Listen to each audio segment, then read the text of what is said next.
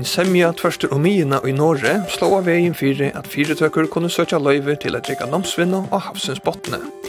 Virene er overstor, og nekv bender av at virusmikler av evnene eisne gaima seg nirri i udøypenon føreskom i marsje. Men hva er det som gaima seg ui udøypenon? Hverjar er røyntunar erastane, og hver er kostnavren? Da spyrir jeg vidt mittel anna i sendingen i idean. Og ein av store avbjøringen om tjaføreska handelsflottan er at fyrir hava så få tviskatte avtaler. Etter gjør at føresk reieruier jaunan ikkje kunne bjå seg fram til oppgaver som i verleggene høskas vel til ter tjenester som fellene kunne veita. Da sier formøren og i reierafellene fyrir handelskip. Vi tar politisk tjekk med en løkningskvinne og en landstyrskvinne. Til sendingen i dag, som til eisne kunne suttje og heima så jokara, velkommen til Breddan.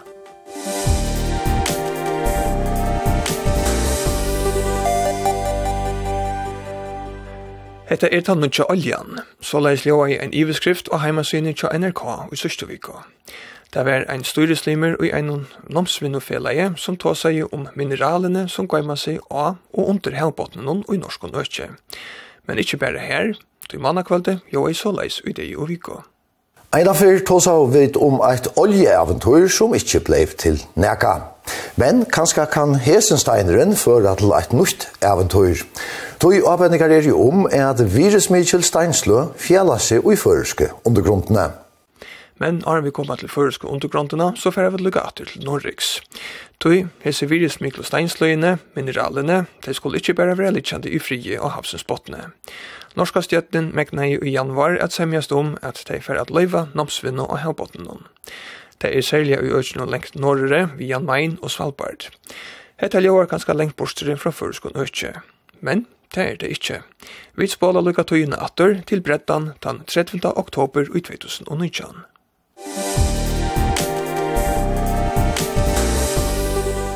Osland, Norra og Førjar Danmark skriva av Søtna Parsten under sattmala som gjer føreska landgrunnen 22.000 ferskilometrar større. Sattmalen som bøyter 811.500 ferskilometrar størst økje norranfyrre var underskriva av i Stockholm, Søtna Parsten, her Norrlandarøy i Heusen Årsfond. Jenny Saurana, landsturismævri utanrøydes Malon, skriva i under vekna fargar. Og hette er et sera spennande økje, greit i jærfrøyngren Marsten Heinesen fra, og i som sending.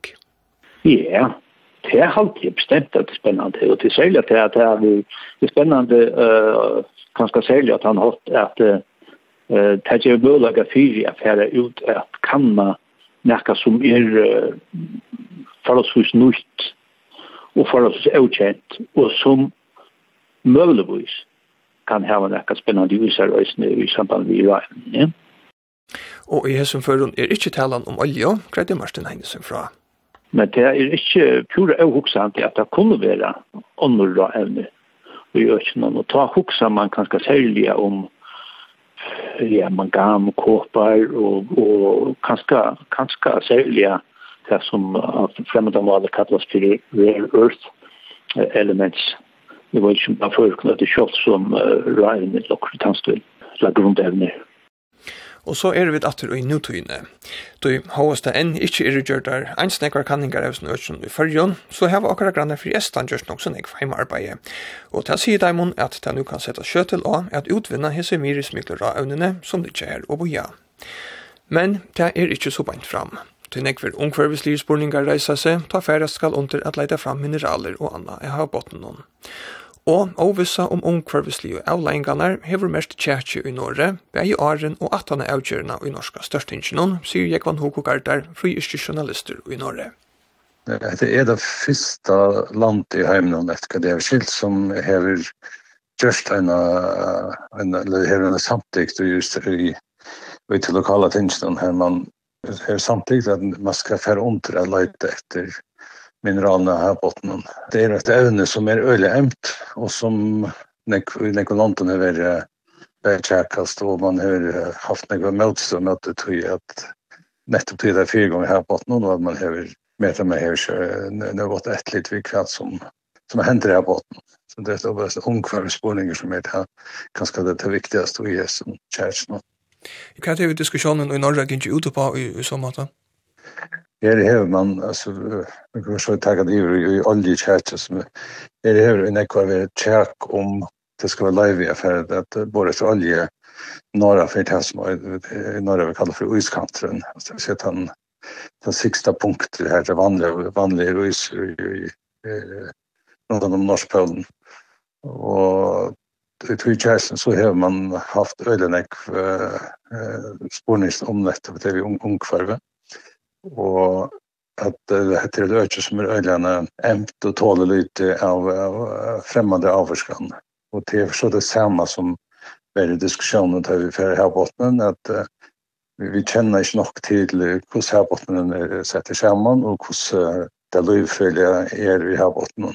Og det som særlig vil kjekkes om det er kan tann som fer i halt vi, vi hade uh, leit etter mineralene her botten garanterar att här borta väl väl som man ser väl väl lite så själva att när man är t-shirt mineralen och tillägg så det här är ju i vad säger jag diskuterar det men politiskt så heter det så vi ska det som om tar större flockarna bäge högre och vänster så i norsk politik.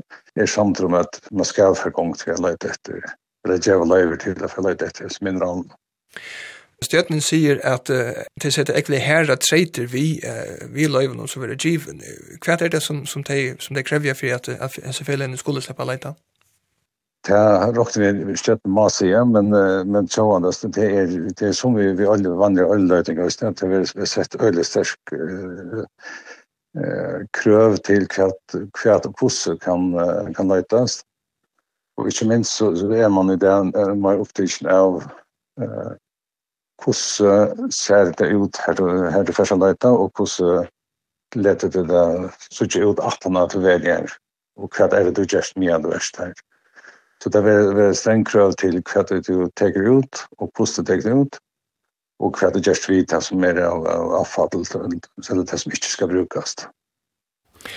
Og så får jeg lukke atter til den avrennet av styreslimen, som var kjeldan til iverskriftene til NRK om nyttan og oljena. Så han stender ikke ensamadler vi synen sjåna mye. Ja, og det er nok høysen uh, tror man finner en, en semje først om om mine i norsk politikk. At, uh, man ser at uh, sjående Snorre har haft oljevinner nå i alt trusje har kjøtt. Og det er, man kjenner nekst til hva det har botten hever av av mineral i Israel som man, man hever en avvis av uh, hittlingar hva som er her.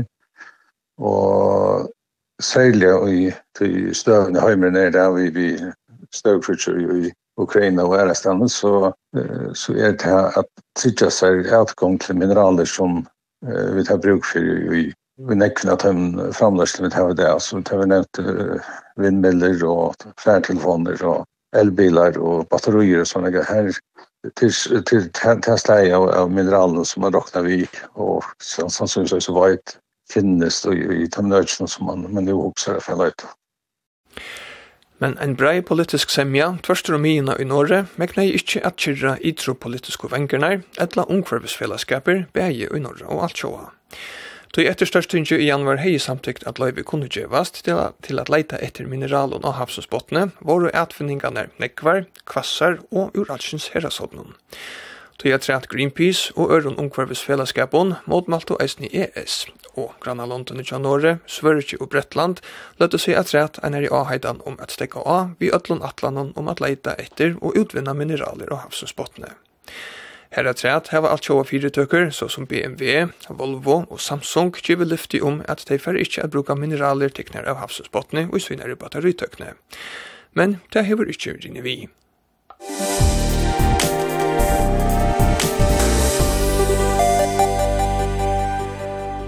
Og så har vi finnje tvær gestur i utvarpstovna. Der er Heri Siska og Oni Orsting, bare hjertfrøyngar og hjertfrøyngar. Velkommen til deg, bare. Takk for det. Takk for det. Det var för att hjälpa mer och lustar hon att bli så det klokar ju på kvärt det är som göms i, i undergrunden i norra men ästne först kommer in marsche. Så låt oss bara börja vid det helt grundläggande. Kvärt är det havbotsmineraler för något? Ja, havbotsmineraler kan i stutton sies det være at hei tilfungile mineraler som sitter av eller tatt vi här bottenen, altså, og, i grunn i undergrunden och här bottenen. Det er mineraler som ofte ofta innehalda metall, grundevner. Jaden, mangan har vi nevnt flere for denne her. Ta du nevner jaden mangan, så er det ofta andre sulfiter, sval, nikkel, som fylltjast atreat, og så kommer det til mer som med grundevner, lukka som og fylltjast. Vi noen en eh edelmetaller och skott och silver och för sånt men men ju ofta ofta nämner man inte här rare earth elements som Martin Hansen nästan alltså så som i grundämne som lukar som som som är är, det vi och i ödlens ner. Och här bottens mineralen så är very dirt att vi utfettat eller avsättast och här botten till några av dem men andra är knutt är jag för den process som tar faktiskt här botten very tid very dirt. Så hvis vi hvis vi rätt jærfrilige skulle förklara hvordan her här bottens mineraler blir till så här har vi trutja balkar, huvudsakliga trutja balkar av avlaga som här Eh Det som man har haft fokus av i norra börjar vi är mineraler som är knutt är att ta, ta i, ta i kjolt norr Atlants här blivit till, alltså ta i, ta i här bottenskorpan blivit till, och då gåsvirksem i Åherbotten og tatt vi spjæringsrytjene, som vi det der så ja, i Osland, ja, med den andre. Men Åherbotten har du ofte vulkanisme, du har gås undergrunn, og tatt opp et hesen systemen, så har du disse her hydrotermale cellene, til at du har vatt som seirer ned undergrunnene, og kommer opp etter, og, og, og i sånn her, man kallar det skorstene, black smoker, man ser det her botten ofte, og Och här ska se att det är som kommer innan urgörna. Ja, det kommer innan urgörna här på grund av när bunten fast och i sig stäm vattstämman som är liksom drittner ner i skorporna, runt skorporna. Och så var det ersatt att som liksom möter här botten och som det här vattnet någon som är kallt och så och här kristalliseras så så mineraler. Så det är det här som man kallar massive sulfides eller sif bed massive sulfides SMS så stod hon och det är det är det som te te te som som är knutit på näs att han gör i processen så har man ett som som mest snur nämnt här så här jad och mangan skorpenar och det är det som som vi tar alla som avust och sen det där vi tar en prova här vi är snällt han prova som är där vi som här pratar om. Ja och vi kan kanske lucka se att vi vi streama och det här var alltså stenarna vi så det tar till att söka där vi sitter klicka det in hemma sin joke akkurat. Och och det är det så att en annan process som som hon har reisen några här här vattnet gör men men här här är några förstäder är en är man lukar som fair avsätter sig mineralen här botten och man ska gärna ha en här den här botten man ska ha en stabil den här botten som inte flyter för nek man ska inte ha sedimenter alltså sand och leir och sånt som läggs ja och man ska helst ha en headlink och ska ha här botten och man ska ha ström vattenströmmande vatten runt om Men här så förstår jag när är ju landgrunden, första landgrunden, det går stanna. Eh vi tar stabilan här den här botten som som som är gammal. Och och här har vi så säga några av ner här hjälp om man ganska kort nu vet jag kallar det. Och och här är det så vattnet och mineralen själv som liksom som reagerar och kristalliserar i här botten i betoj. Det växer. Jag tänker länge tog. Ja, för att det är ganska så länge tog men men generellt ser man cirka halvan till 1 cm per million år. Tek det alltså som är avsett sig. Så här är kanske en 3 miljoner år av här bottne som är blivit till helt Och här kristalliserar mineralerna och sikva lukka som grund även i ur vattnet Och det sätter sig här, metalljoner lukka som sitter här eh pärast ofta vi vi vi liknande metalljoner som sitter i havet och här här kristalliseras så här så här fär man lukka som jad mangan Och här kommer så att det ser rare earth grundämne och lukka som kristalliserar samma vi. Så det är lukka som två dömer Ja, och, och han hade växer så över tog alltså ska det så skilja sig som att att det ser ämnen som kanske är i mikroskopisk kontakt och i sjön och filtreras spekler och samlas samman. Det är akkurat det som det är alltså så i över tog för att lukka som uppkoncentrerat hej små havnökna vi vi snackar inte om procent vi snackar om parts per million ppm och olja olja ta ida ju as the trace elements och rare earth elements. Det tror jag att det är det är relativt schysst som att finna men i betui damma det väl att sitta just mineralerna så så i miljoner av iron vi har så med så så så, så uppkoncentreras det och och här här väl något som vi vi avfiltrerar vi sina mineraler och det sätter sig här och finnas i stora nökten och just ner metallen och ner som som ligger här botten som måste. Och och kvärt är det så som här ser mineralerna kunna. Hur är det så avvärd? Alltså det är avvärd. Vi är ju en øyla større menning i det mån til det grønne orskeskiftet, og det har gjort at tørveren av mineralen er rævla kjøttveksand. Anker prognoser sier at til dømes kåpalt og litium, her skulle vi bruka 30 til 40 til fer som jeg som vi bruker det. Det er å si at vi skulle øke om framløsene 30 til 40 fer. Og det er ikke tøkt i det, tannmunkten. Vi må finna kjelder til at det er. Og så hittir Bjalante, så er namsvinnan, hon er under avbjørngen av fløyrefronten. Nek namer lukka en nyer, på grunn av at man ikke har nam nær vi, men òsne tog at uh, kvaliteten av molmen er minkand. Man hikker at det til dømes kåpar som ikke er kritisk mineral i seg sjolvun. Her er det såleis at to i det skal knusa og tons av gråter for å få 5 kilo kåpar. Hver det fyrr var vel minnet du kunne få opp i 20-30 kilo koppar på Sjøen Tonse. Og det er støvot minkande, og alle, alle de namene som er det er under menning, har en minnekvalitet. Og det er den avgjøringen som man hever, samtidig som at tørven av mineralen er kjøttveksende. Men eh, som är så inte händer när prövan som tid har vettikon eh, att ju ekvilja tonnar linjer av, av mineralen eh, ska man så inte till att gräva rätt stor ökjer upp för att få näka, näka nönvärst upp eller vad säger det? Uh, potentiellt, alltså det är det som är vi här som är att det här är uppkoncentrerat. Det är alltså, här ska du inte knusa en tons för att få säga, 5 kilo. Det som sitter om man har här mineralen, det är, det är uppkoncentrerat förvägen. Mm Men jo, det er potensielt nok så stor økker som man skal litt etter, og så hikker etter det som hender i Stittlehavn, og hver det er nok så nekv løyver given av uh, en, en løyversbøy som kallet International Seabed Authority. Her tås av mot økker som er og i alle 5.000 km lengt, nei, 5000 km lengt og en 5.000 km brøyt, så hver man løyter. Så det er havbottenen er rævlig større, så du kan få en nekva større mångt opp, utan at, at du avvarskar større parst av havbotten. Ja, nu nämnde jag kan ihåg att att Norge det första det första landet som ger löve till affärer affärer då att eller som som har samtyckt att man kan för ge löve till att efter efter ett mineral här botten. Kvar är det såna konkreta fyra? Alltså det är alltså i allt sjö vatten är det nog såna glöver och i Stillahavn men det är ju i musk land och i hemmen och kvar man häver giver runt löver. Eh, onchen ongen är en gång till framlöslo det att tacknen är nästan vi är här. Eh då man hickar efter nu nu nämnde ju under två imiska två imiska typer här är en trea typer som är tema löjter efter i stilla och som är så klumpar så lite här botten. Här är man kommer långst vid framlöstakten. Og her så vi sjølver, vi var jo i Rastavn og norra her var en som vuste til, som tar for under framlöja framløya nå. Det er faktisk en løydel omdragsbator, nei, han er ikke løydel, det er som flyter om han har havbaten og pilker der opp en agenten. Det er, man hentet av botten noen, og her er øysen AI, er øysen vi her, det er kunstige tøkkenen, som leser video, og hvis løyv sitter og en sånn klumpe, så leper man den klumpen om. Og det er, det er lukknande tøkkene man skal til mennene, Da vi tås om sms-ene til Ona, det er, det er smaks, black smokers. Uh, Parstå er også man ikke om affær etter tøymon som er i gongt, det er her i Lufrum, det er oaser i havbottenen. Mm Men uh, av førske havbottnen, her har vi så eier ikke hver man kanskje kan finne nøkker sover en sms som er deg. Altså hver det ikke løyv i det. Og her som det så er ganske store konsentrasjoner av mineralen. Hver det er oppkonsentreret, ja. Og her er takkene vi er kommet. Japaner har gjort noen tester vi hvordan man kan framløye det til rønderstadiet. Uh, og så har man skorpener som kanskje er til å vite i løtene hytja mest etter ut det vi rent faktisk har prøver av forska landgrunnen. Og her er takkene som dratt av for Her er det konsepter, og man hoksar om hvordan man kan gjøre det, men løtene er takkene ikke tøk til at framløye det.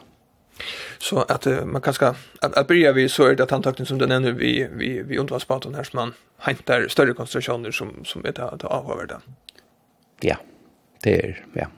Och är det så lästa gånger för i Stilla havn? Ja eller det är ju hver gång men det är det konceptet det är det är ett koncept arbete vi ett annat det är att at det er skolet oppe her botten noen, det er djever og synder ærer avbjøringer omkvarven noen, og det som er nok så avhåverst, nå er det en rastavn og hver, eller han ekko vinkler var presenterer lukka fra det politiske til omkvarvslige, omvis øysene løyting og framløslo, og det primære fokus tja tøymer som utvikler tøkne til framløslo til omkvarvet. Då vi skulle nere her botnen, og steg hver vi vita, vita ganske alt for lite, øysene i omkvarven og fyrir at optimera mølagan fyrir at du ikke har leggen nekka, så er det her fokuset. Vi kunne godt framløya skorpene det, men vi har ikke tøkna eller framløyene jeg skal ikke trygt, trygt er det, men altså, åt, åttan av skal omkåre nekv. Og det er nekka man gjerne vil mer, og det her fokus er jo i menneskene. Ja, tar man husker om, om nam som, som ligger oppe i landet, ta, eh, ser man typiskt ganske rettelig stor svar i, i landslandet. Eh, er det nekka anna man arbeider vi imot til, til herbotten? Eh, Parstois, ja. Altså, det er det, det som man er, jeg skal ikke bekymre om, men man vær vi og herbotten til det her er lov, og Aljupa, og vi tåsa, altså det er norra for fyrjar, hver, um, ja, som ligger oppe av norsk øtjen, vi tåsa 4-5 km av vantøype. Uh, her er ikke nekvløyv, det er, det er ikke større mongter av løyv, men det kan stadigvæk være løyv vi ikke har kanna og ikke kjenne enn. Og det er jo nere kanna øysene, og tog kan det være at du kan minka om løyvfølge markfeltet hvis du ikke anser etter. Uh, Og her er det som man också som man fer efter skorpen hon. Ja, du bryter här opp, upp, men så är det at du måste anse etter at du gjerst opp på en mata så det så löve släpper halde av fram. Och en skorpa, det är nog vist onöna skorpa här, de tror jag sen med det kök. Det tar 30 cm sen meter täcker. Det som sitter det som er underververande. Och den kicks av skorpa vi har stum här og øtsen, är halva meter tjukk. Och det det at du slupar om man är. Och hvis du så leter økjer standa etter hver løyve kan liva og gjøre, så vil det hava målagan fyrir at flytas ivrat ut i øysen du hever vær. Men det er alt prosesser som vi ikke skilja noe vel enn, og hver i tøknen ikke ordentlig fenga, fenga okkur. Så det är något som ska granskas och så till det kommer kommande Arne. Ja. Eh, vi syns så kanske vända någon till ta, ta, ta för ska öka. Eh, nu var vi norran fyra, eh, du nämnde äger eh, Richard, du kan ganska greja lyssna när ifrån akkurat kvar, kvar han ligger. Men. Ja, hvis man, hvis man huxar eh förjar Island och så är det liksom som en en rycker här och Island rycker kallar vi den där för Island rycker och norr är honom är är en gammal spjärnsrycker faktiskt som som som tar i norr och ber att ta skap var visken så det är också en sån en sån delar som gänger norr är original och norr ut här som heter norr höv och i det. Det är också en fjällakhet alltså alltså visst du såg så här skrejer den sån där så den delar mitten och några brött fjäll som stannar fram vid det är det samma skapet som vi Atlantsvikrarna över Det samma skapet som här som norrmän och idéer fokuserar lite inte när de ser sms-typerna av, av havsmineraler. Det här processen som skapte han här botten, Det här stäcker i cirka 4-8-23 miljoner sedan. Det har Du har inte det här aktiva processen här som du driver vatten i roj och har så här Hesa her som som man ofta ser alltså hesa her och asnar och shots som Louis som som som ungen har har drömt om affär affär driva namn så vinner rundan om men men kanske ikke fire måneder, men kanskje en fire måneder er til at hesten her botneren som, som tog skap for da. Han er ikke visst i det forhold til den partene som er i Norge. Det er man hever haft disse prosessene, og det stand til her. Her er bratt, som jeg nevnte, og her er, her er her botner. Og han er 30 millioner år gammel, det har han haft høy til å lukke som at, at sikve seg rundt evne ur, her botten. Så det er fjallet kjedene når av, av Øslandsriksen, er innledningsvis avhåverdar, og, og, og i norr endan hans, hefst utanfyrir ta gamla 204 gram marsk tja fyrrjon. Her byrja i norrmenn at det er kanna og alt det der tatt her, og det som gjørs det er ressursevalueringarna. Her er eisen tidsi prøvar, og her er nekker prøvar, som i det er, så er det godt nok innanfyrir innanfyrir langgrunnsmarsja fyrrjona. Så vi har prøver av tog til Det er eneste prövan som vi har att ösnon. Vi har vi har data, dubbla data og, og andre seismiske data og forskjellige försäljningsåret och där prövan så så var faktiskt egentligen också lovande ut då. Så så det det vid vidvita, så vidvita allt för lite om om om här botten vi vidta eller lite om om om om om det fysiska vi här nere vi vet lite om kvart kvart Louis är där och så så det är allt nära som har fyllts det är alltså vi nu för kanna om om det är möjligt att finna sort här så så mamma samstundes göra sig färd om kvad kvad är det som för de kurvor ja inte det är komplext och det är vi skiljer det lite så man kan man kan öle kött komma över skock som man som man inte vill Ja, eh så till till kanske sälja öch norra för det men eh snur pröven som det där vi här. Han är inte eh härifrån. Nej, hessen är är faktiskt uh, teaching um, såna för 200 kronor vers. Ja. Och det är så att att lucka som som intro in börjar vi igen att till öch som läggs att se att förska landgrunden som är utanför 200 204 och det har hemskt landlag som ratifiserer den här att ha har satt mal och det man så gångt vi och det har norra øyge är så avvikla och man underskriva och det har sånne øyge er ikke det och det är et størst øyge og her har man eisen just kanningar över tutsjetals år første arbeidsdagen som er, jeg vil være at jeg ut av båret her botten, så er det sånn at jeg ikke skal prøve å være, og åren til man just, dredge prøver det her, man er ved Magnus Hernason, man vil legge skuffer ned, man, man finner ut av hva det er her botten, hva det er for kan det være basalt, kan det være at det føres langgrunnen fortsetter så lengt ut etter. Og, og, noen av han prøver noen, her er så hesen middelandet fra, hesen er Norali og hatt han, slatt han noen, som er utenfor her. Her har vi det eisen sier, tegn på hese her skorpenar. Så det är eisen något som som lukar som vi har vi har syndra vidan om alltså så så där finns det här och där finns det eisen prövar in i förskalan grunden här som man ser spår av snär.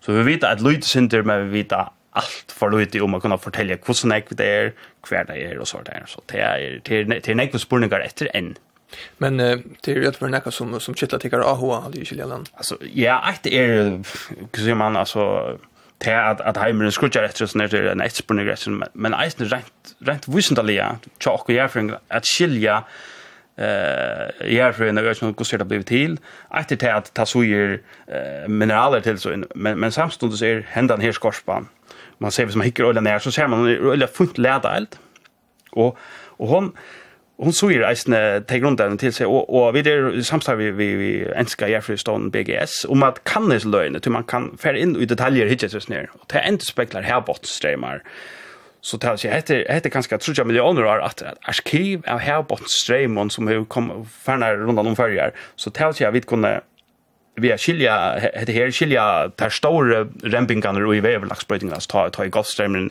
viknar tänker sig upp att det stäcker ta ostyr är det så så allt det här är faktiskt eh du vet ett ett arkiv av dem senaste ostyren för hur ser jag bara strömmen här är det så rätt visendaliga kittlar detta minst lugga som som som ekonomiskt alltså det det alltid jag för för mycket vi kommer är det är det att skilja järfrine och skilja till och till lugga som och intresse och och uppgåva det är kanske inte hit modeller men men men rätt faktiskt är det är det öliga spännande Eh och till sist att att att det kommer räkna vet man kvärt det kommer från är det några av kälta som som häver som mineralen visar som som gör det samma i vitui.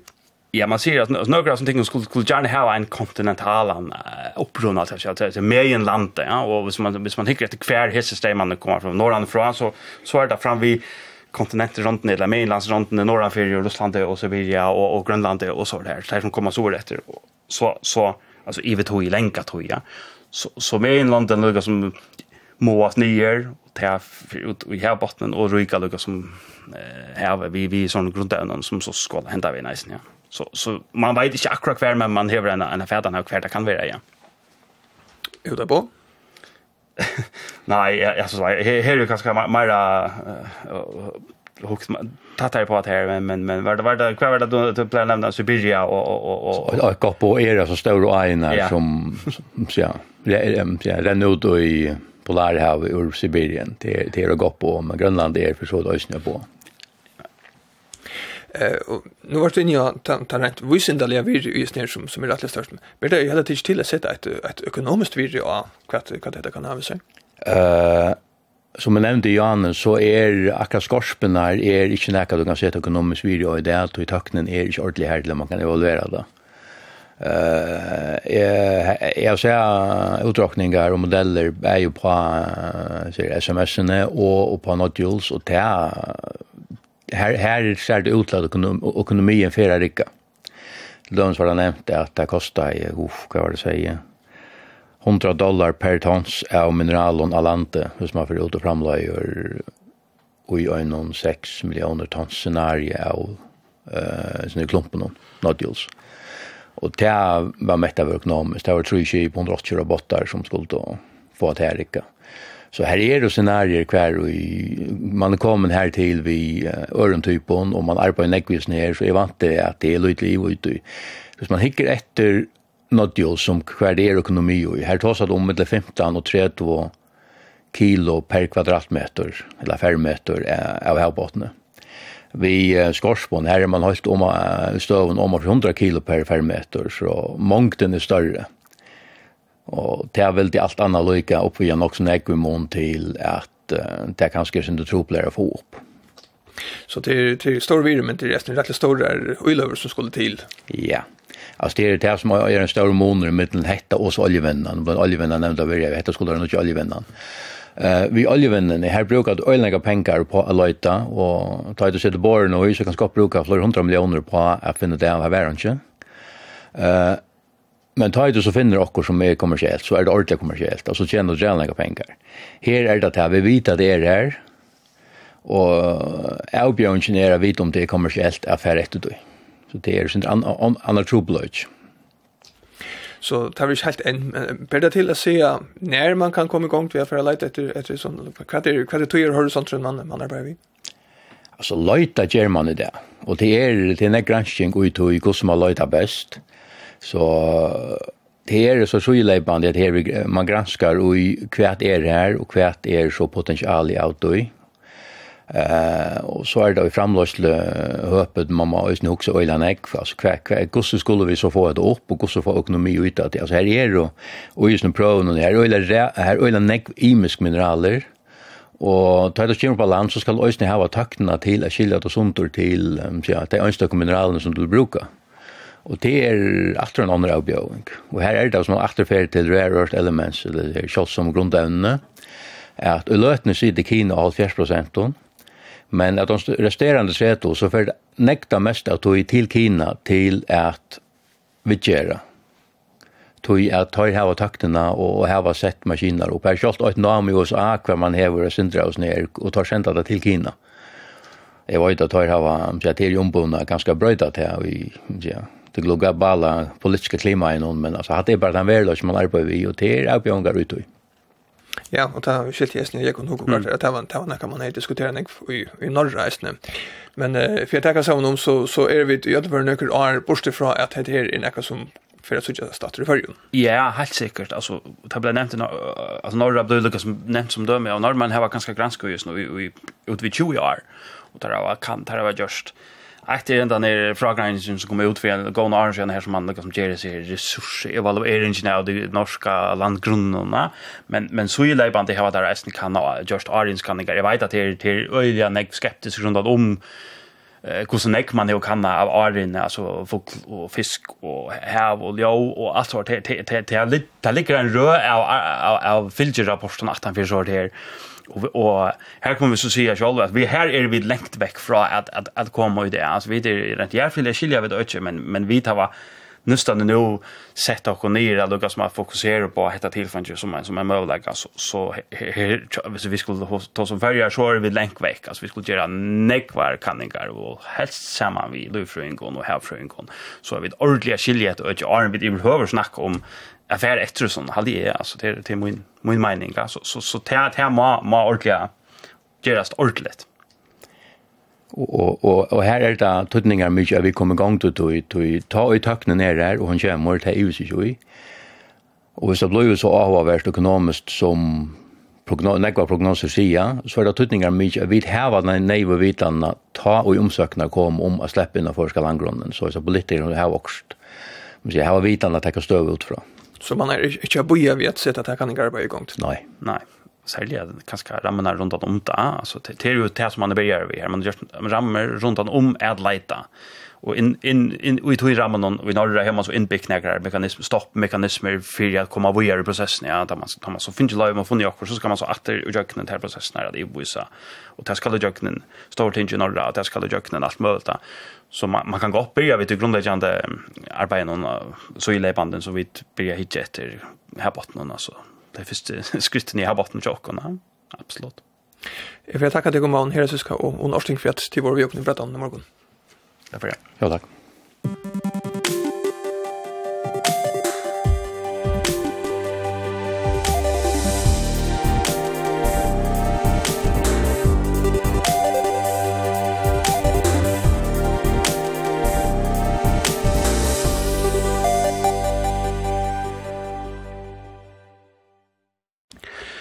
Ein av ståro avbjong non tja føreska handelsflåtan er at fyrjar heva så får tviskatta avtalar som gjer at føresk røya røyer jaunan ikkje kunne bjeva seg fram til oppgaver som i verlegan høska vel til ter tennastor som feløyne kunne vøyta.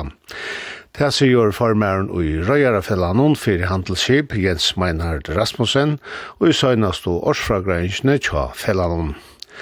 Han viser også at verande støva vi ser av favon tviskatta avtalen avmarskar vinnuna og møllekanar fyrir vøkstre i handslådan. Og vøkstre som kan gagna røyrøyun, manning og òsne føreska samfellan.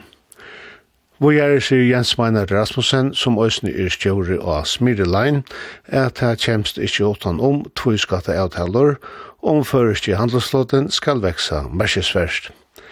Røyer og Gjør hava fer etter fer vurs og ham, at hei jaunan suttja møvløkar utanlands, her hei er og kappingar før, men årsaka av skattavirskiftun landan av mittlun, kunne de ikkje bjøa sunne tjenester fram. Jaurun Gardar og vinnuhusnun, Vera Sjøre, er skrivare tja røyarafillan fyrir handelskib. Hon lyser av bjønnsna vi manglande tvuskatteavtalen vi åndorland Solaris den iverskipa i avbjørnjen, det er det at vi er ofte ikke kappingar for. Og grunden til at vi ikke er kappingar for, det er tog at skatteren i fyrjon, eller ikke førskon og i er hakre enn skatteren til London som har kappingar ned der, eh, vi sko i. Og det gjør det at kappingen er ojøn, og her vi missa vi kappingar for. Det vil si, vi tar ikke kappingene, vi okker kappingene er der årsaker av tjenestene eller okkar føreløkken, men det er kring omstøver som skatter som gjør det at røye røyer som sikler under førskon flatje er veldig stille enn ånder til dømes røye røyer som er skratt i Danmark og Norra og sånn frøyvis. Så kappingene blir skøyv årsaker er at uh, du ikke er jævnsett laur til det kommer til skatting av beimanning og røye røye. Ja, du visste du skal rinda en hakre skatt, så, så kommer det her averska prusen eh, eller anna. Så det gjør det at man det gjør ikke ordentlig møyning av bjøa seg fram ut i kappingene. Men jeg hadde også nytt område da vi snakket om hesviskiftene, jeg har vi hova kvihevda tyttning, kvann tyttning hever tyska det avtaler for førska samfunnet. Og da vi to som utflotningsvinner, så snakker vi ofte om fiske alle og fyrre vinner, eh, men vi tar også noen større kappingar for vinnergrøn som i shipping, og shipping stendur fyrir en stórum parti av okkar tænas utflutninga. Nu just at tølni 22 sier at det er omlag 40% av tænas utflutningen er under shipping. Og til en vinna som hever gauar vaksra mølagar og djeve nekv atter til det førska samfunnet. Bæg i mån til nekv go størv, a sjekk vi av landet. Og til en alt sjå vinna som, som ger til at man ikkje tenkte at samfunnsgongene i fyrjon, men det er alt sjå hønsbudskapen. Og det er mest så til at vi sutja i fyrjon, så kan det jaunast vi hesar vinnergrunden til det er under ätlig som kan skal avverska og omframt har växa med som er. Så det er en styrke for førska vinnerlandsläge og, og òsne førska arbetsmarknaden at räfästa ett ödj. Hvor helt ut det er så torrført å få tog skatte avtaler, eller vi er ikke noe stor orska løgt ut av et eller Ja, okkara grøya fætan er tann at man er bare ikke bøgnløs vi at få av flere skatte avtaler. Og ta sig ut fram når vi har funnet vi landstyrsfolk og, og embassfolk om hesviskiftene. Vi er velvitande om at det krevs et uh, drygt og krevjande arbeid å få komme gongt vi at få uh, avtaler, og det er ikke noe som hender etter øynene det. Men hvis det noe skal hende, så må man jo ødelig for en arbeid av vittu. Og det her vil alle kunne melde til at man rævfester et øyne, rævfester av færre gongt vi at uh, få noen uh, samregninger vi underlånt. Og det er også flere måter at uh, gruppa ta anno på. Så vi kunne Sjálva fer undir sjálvstóra samrängar vi til land som vi talade vi kommande. Men vi kunde ösn hitcha efter er det när jag om danska sum som vi kunde knyta och upp i som här var några vidskifte som till offshore-sektoren som kunnu vi kommande till färja knyta upp i. Det kan ösn vel vara at här är. Men tar vi inte göra så hendi jo inte. Det var nevnt at farger er så luttlar at det er kanskje ikke den større AHO-en, større London, det gjør hotel við vi åkken. Hvordan større er tantrobladjen? Ja. Ja, det er helt sikkert en av dem helt grunnleggende avbjørnene, at som vi ofte sier at det snur seg om marsjene et gang, at vi er løytel, og det er sånn en forhandling om hva kan vi bjøre her at møter. Tui haldi er at det gjør møyning at man òsne huksar sin det brøtt her som før noen sier, nu gjør det møyning at hitja til Danmark ut man kan knyta seg på nekra tøymne avtalen. Det kan være kanskje en lattare mat å komme til det her som før. noen.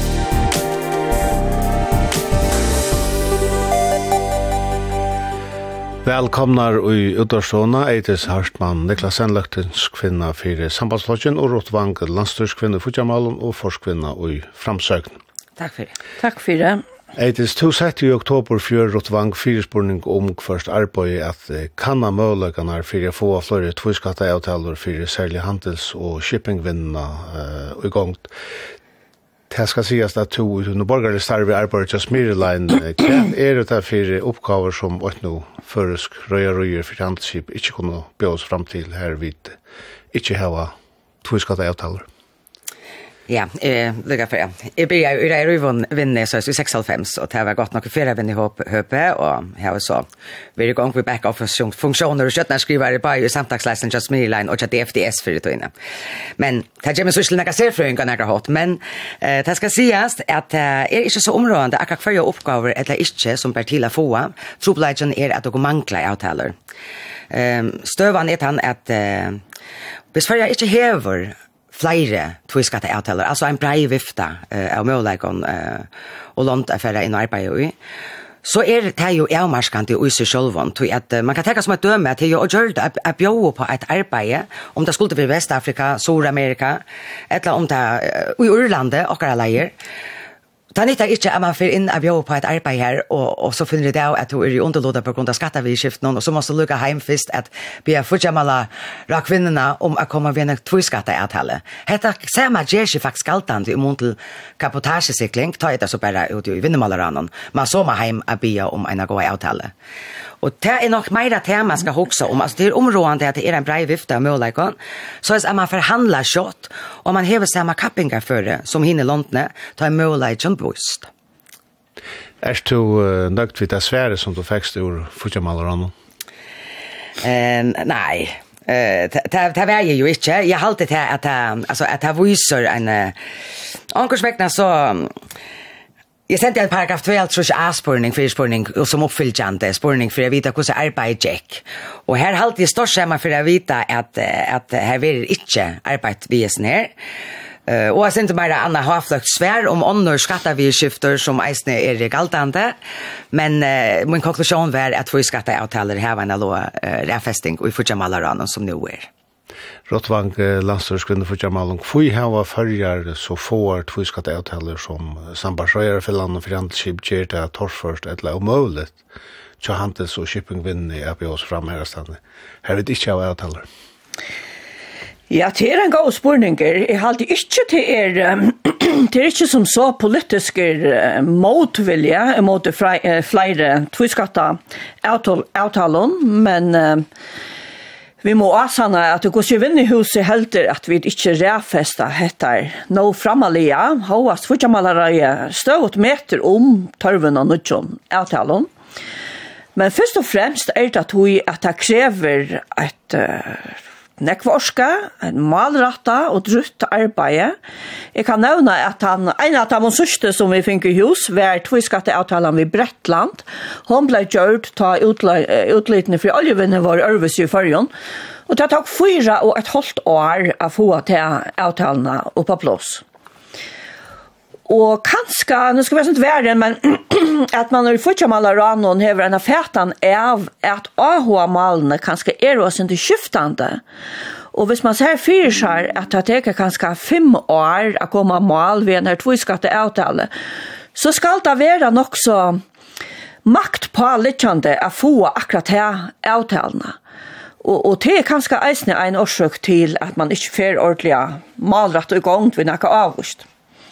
Jaron Gardar ur Vindhusen hever til fætande for ikke myndelager, alls ikke arbeid vi å få fløyre tviskatt av til Gjørdar. Hva sier du til det? Nei, jeg vil ikke si at vi alls ikke arbeid vet du. Man kan alle tøyene, Det er ikke så lenge siden jeg var vidt, jeg hadde hei fortjammalere i samband vi, vi, vi Israel. Uh, Noe for lønge siden var man til å finne en sendestove her nere.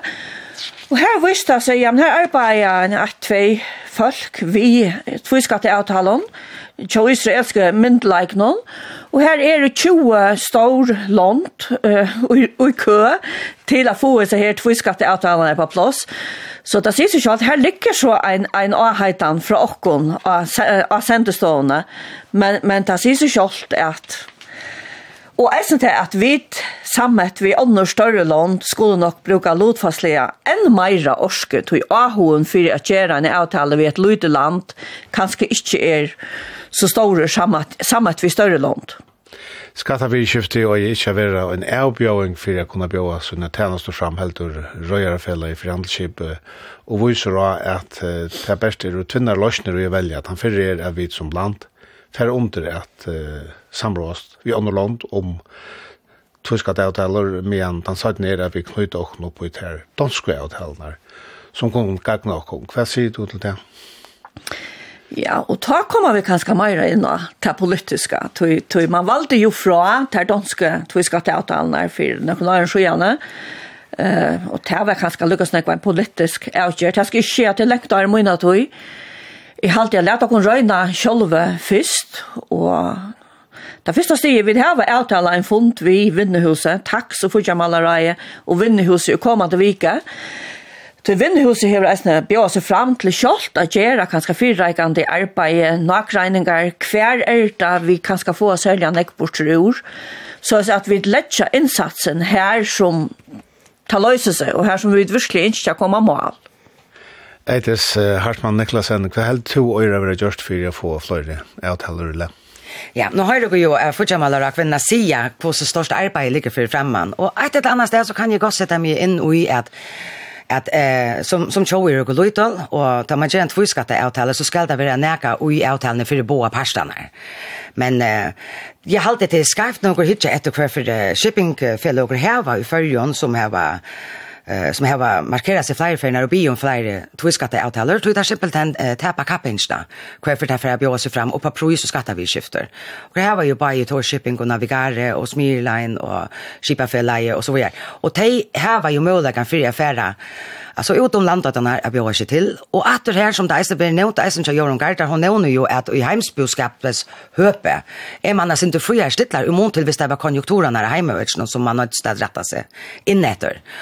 Og och alltså man tosar om om om halvt nu ska sjå skjuta etter etter det her råt. men men at det her som vi såg det så det möla John fyrre å få enda mer intäkter till landet som så till så skaknast og och och vad signar jag halvt. Og jeg kan ikke sutja man i nekrare vinnegrein i fyrjon. Jeg vet jeg avmarska ikke så leis at inntøkene ikke kommer inn um, til man har mullaka fyrir det. Og jeg vet altså nå at til dømes i Danmark her høres det nå med den bare det store reier ruine.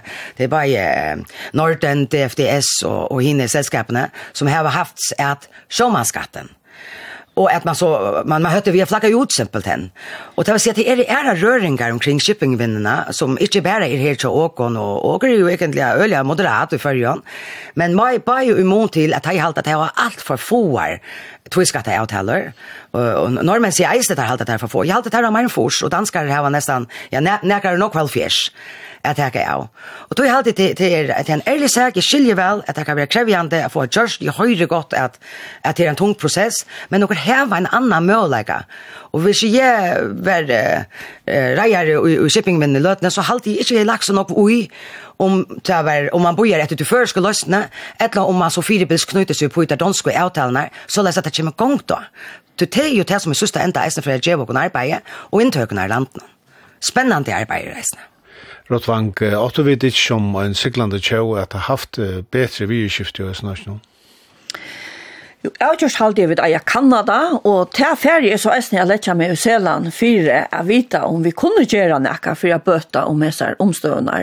Og nå var etter sin jeg her vi halvt for noen, og sånn det er en treit til man gjør tviskatteavtaler. Det er til at vi får lukkanek på sju som land, som hitt landet.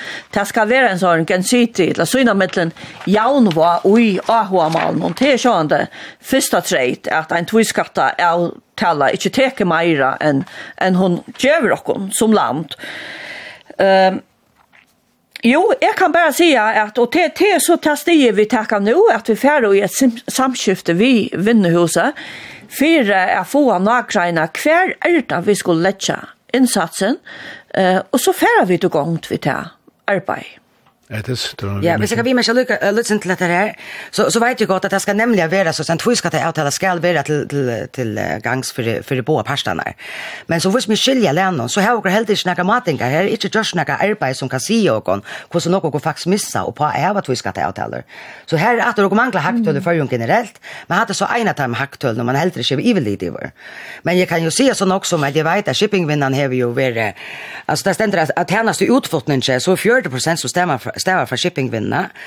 Jag minns det tar ju första för skärman bär förra vinner vi vi utlottningsvinna till shipping så låta om en tjej 800 miljoner och shippingvinnan är, är hacka otroligt nog där i 1,1 miljard som ju är en en, en stor upphatt och och det tog jag alltid att att att jag lägger trust att jag är öle ohövst och och och politiskt korrekt vill jag säga men det är inte om man blir vidare där vart vet och kanske framprovokera att det blir just ett arbete ehm om det blir just hela landet eller om man knyter sig på det danska avtalen ett eller annat så som som som vinnaren och gärna vill ha det det vill bara ha att det hända så att herra arbeid gänger åtarna vi är och i fotlare jaunare kapping vi honorerar och gör annorlunda Rottvank, er detta nekka som uh, verer ræfest fremre fremetter enn det høver?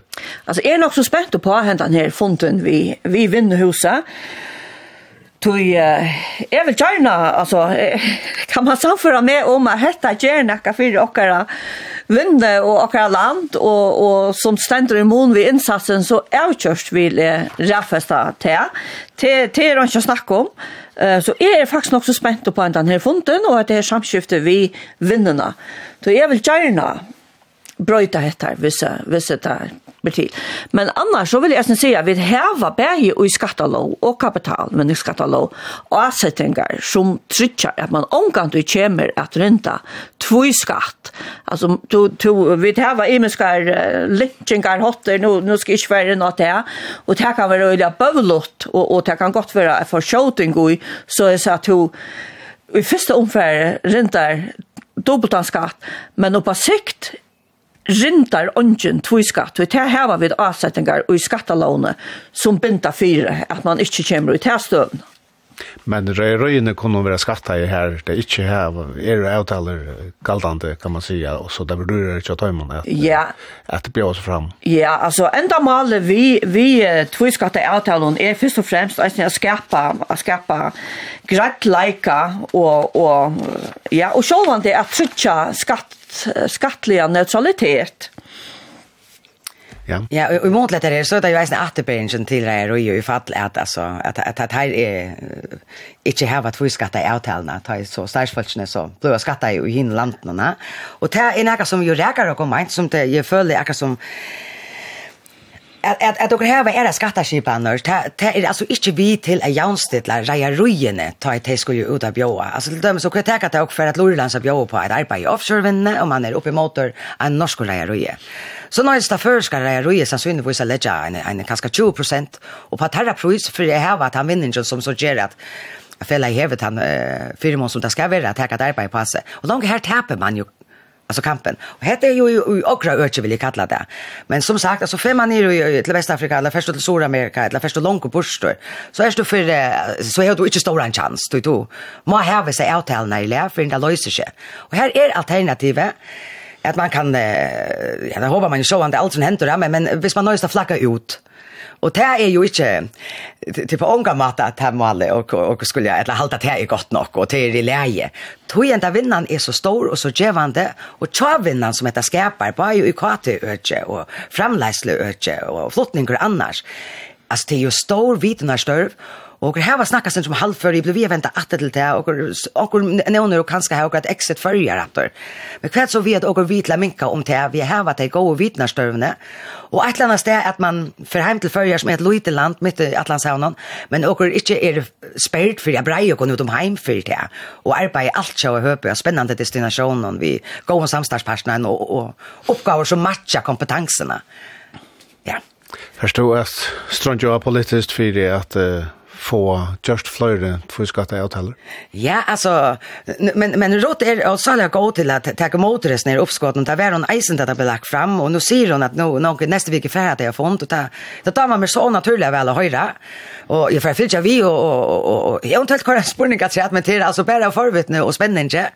Så jag har alltid det är en en en möjlighet man äger att ta han där och Og som sagt det har vi vist, det var et, det var et samtyckt eller det var samtyckt en einmalt i löktingen at man skulle för kannes vi skiftna det var vi en vaksra forum, det var her det akkurat som kom fram mest det tar vinnan sputte og hva kvart här helt kom det gera mente seg av ötsna Og at, at det er rått vankt teget det vi gjør nå, det det är gott och tack alltså när alla hejar uppe på det för det och jag hoppas det kommer ett ett gott och brusligt ursligt på sig det man säger Rottvang, du sier at Vinnehus er med som hobi også fram til kanskje gjør åt synder av fyra kan de arbeide. Vet det så lett her ikke at ikke kanskje at det er det sørste?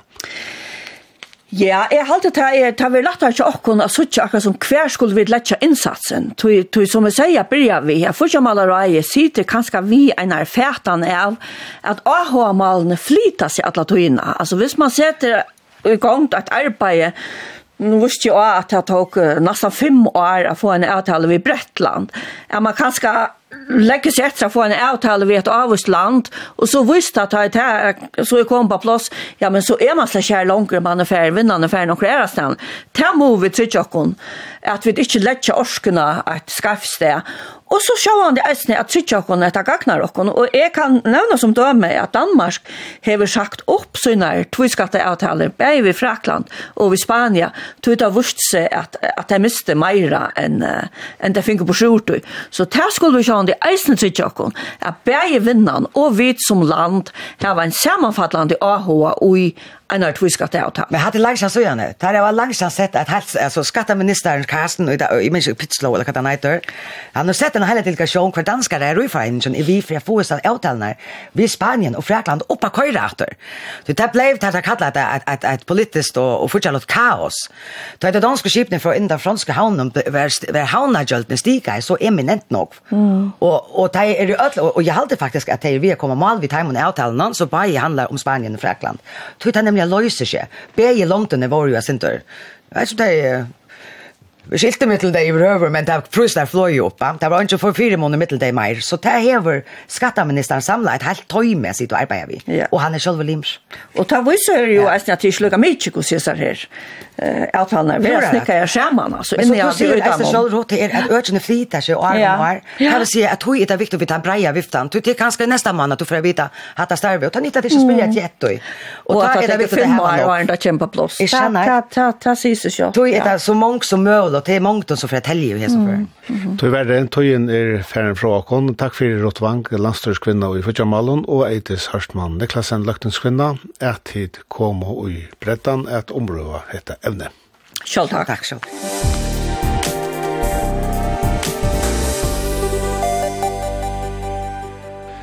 Hetta er det som vi tatt og bretta noen i det.